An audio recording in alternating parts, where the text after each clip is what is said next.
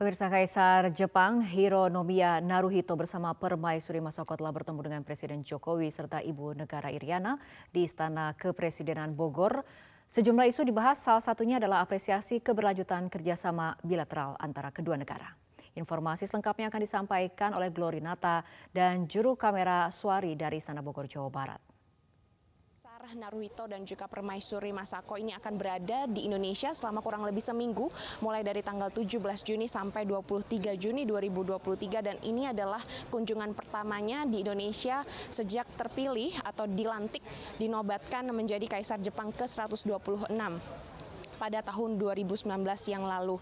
Dan memang untuk tujuan kedatangannya selain memenuhi uh, undangan dari Presiden Joko Widodo yang pada tanggal uh, Mei sekitar Mei 2022 yang lalu Presiden Joko Widodo pada saat mengunjungi Tokyo ini juga sempat mengajukan undangan resmi kepada Kaisar Naruhito untuk mengunjungi Indonesia dan disambut baik dengan kedatangannya saat ini dan juga ingin terus mempererat uh, persahabatan antara Jepang dan Indonesia. Kedatangan Kaisar Naruhito Ke Indonesia ini juga salah satu memperingati 65 tahun pembentukan hubungan diplomatik antara Jepang dan Indonesia dan juga memperingati 50 tahun persahabatan serta kerjasama yang dijalin kedua negara selama kurang lebih puluhan tahun. Sejak tahun 1958, eh, Jepang ini adalah negara investor utama bagi Indonesia dan ada eh, beberapa proyek-proyek strategis yang sudah dijalin antara kedua negara. Di antaranya yang terlihat saat ini adalah proyek MRT Jakarta, kemudian proyek kereta semi cepat Jakarta-Surabaya, ada Bekasi Proving Ground,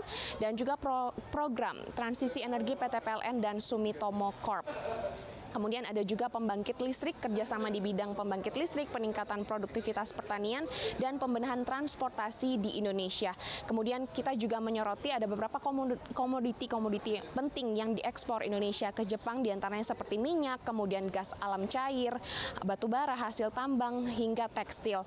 Dan nilai investasi Indo uh, Jepang di Indonesia dari tahun ke tahun ini terus naik nilainya berkisar kurang lebih 42 triliun sampai 53 triliun. Dan dan yang paling tinggi tercatat di tahun 2016 ini mencapai 80 triliun rupiah. Dan tentu saja untuk hubungan baik antara Indonesia dan Jepang selama ini diawali dengan adanya perjanjian perdamaian di tahun 1958. Kemudian Indonesia ini sebagai negara penerima bantuan pembangunan pemerintah Jepang terbesar per tahunnya bisa mencapai 50 miliar US dollar dan di Indonesia sendiri sudah ada sekitar 2.000 perusahaan Jepang yang beroperasi di Indonesia sehingga dapat menciptakan sekitar 7,2 juta lapangan pekerjaan. Tentu saja harapannya dengan adanya kunjungan kunjungan dari Kaisar Naruhito ke Indonesia ini dapat mempererat persahabatan antara Indonesia dan Jepang dan juga dapat uh, memajukan dan juga um, menyokong pertumbuhan ekonomi di Indonesia di tengah krisis global saat ini. Sebelumnya dalam kunjungan hari pertama ke Indonesia pada hari Minggu kemarin, Kaisar Jepang Hironomiya Naruhito mengunjungi dua lokasi penting di Jakarta yang merupakan proyek hasil kerjasama Indonesia-Jepang yakni Depo MRT Lebak Bulus Jakarta Selatan dan Rumah Pompa Waduk Pluit Jakarta Utara. Tujuan kunjungan Kaisar adalah untuk melihat langsung perkembangan dari kerjasama antar kedua negara.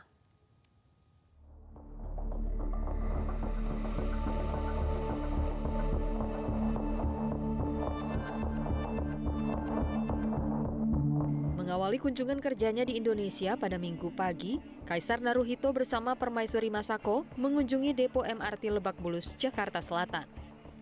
Kunjungan ke depo MRT Lebak Bulus menjadi agenda pertama Kaisar Jepang dalam kunjungan kerjanya ke Indonesia.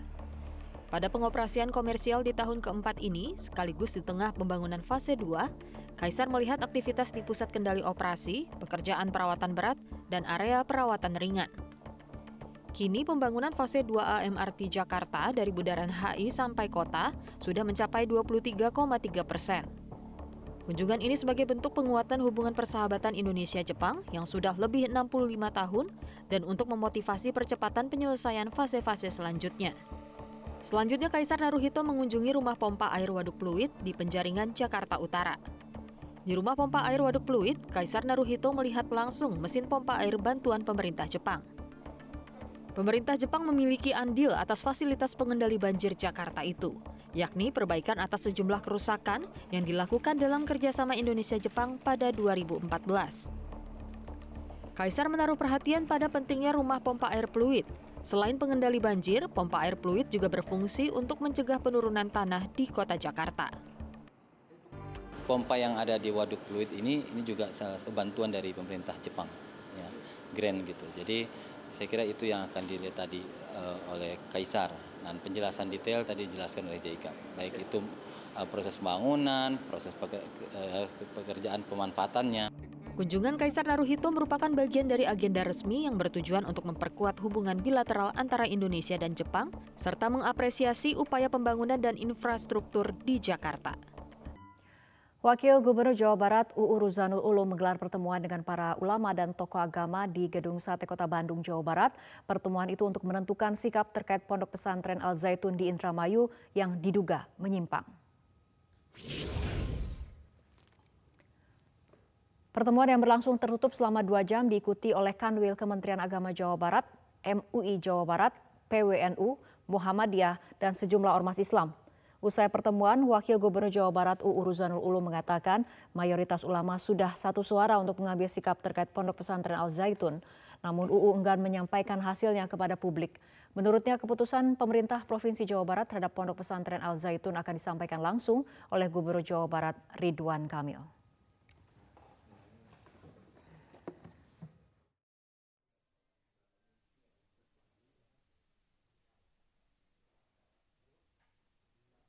Sudah melaksanakan tugas dari Pak Nur bertemu rapat dengan para kiai. Tetapi untuk lebih lanjut nanti Pak Gubernur yang akan menyampaikan. Karena apa yang diputuskan barusan belum tentu menjadi keputusan yang final. Pemimpin yang membuat sebuah keputusan yang memiliki kewenangan yaitu Pak Gubernur. Terima kasih. Sementara ini saya tidak bisa menyebutkan. Berapa ya. Pak? Berapa ya, saya Pak? Saya tidak bisa menyebutkan, pokoknya gitu aja. Nanti yang menyampaikan itu adalah Pak Gubernur karena Pak Gubernur akan memberikan keputusan. Saya hanya menyampaikan hasil daripada rapat ini dengan uh, Kesbangpol dan juga Biro Kesa dan para kiai yang wah banyak sekali banyak sekali kiai yang datang. jam sepertinya alot sekali pembahasannya pak. Ya karena mereka ingin tentang apa pak? Bapak tadi belum menyampaikan pembahasan tentang apa? Pembahasan tentang Azaitun. Kita ke informasi Ketua DPP PDI Perjuangan Puan Maharani menggelar pertemuan dan berbincang secara langsung dengan Ketua Umum Partai Demokrat Agus Harimurti Yudhoyono pada hari Minggu 18 Juni kemarin di hutan kota pelataran Gelora Bung Karno Senayan, Jakarta. Dalam pertemuan yang berlangsung lebih dari satu jam ini, keduanya sepakat bahwa pemilu serentak pada tahun 2024 harus berjalan dengan damai dan lancar nama-nama yang waktu itu saya sebutkan, salah satunya baca wapresnya Mas Ahaye di Partai Demokrat, juga masuk radar PDI Perjuangan. Ketua DPD PDI Perjuangan Puan Maharani melakukan pertemuan dengan Ketua Umum Partai Demokrat, Agus Harimurti Yudhoyono atau AHY, di Senayan, Jakarta, Minggu pagi 18 Juni 2023. Pertemuan keduanya berlangsung hangat dan penuh senyum. Hal ini tampak saat keduanya langsung berjabat tangan ketika bertemu.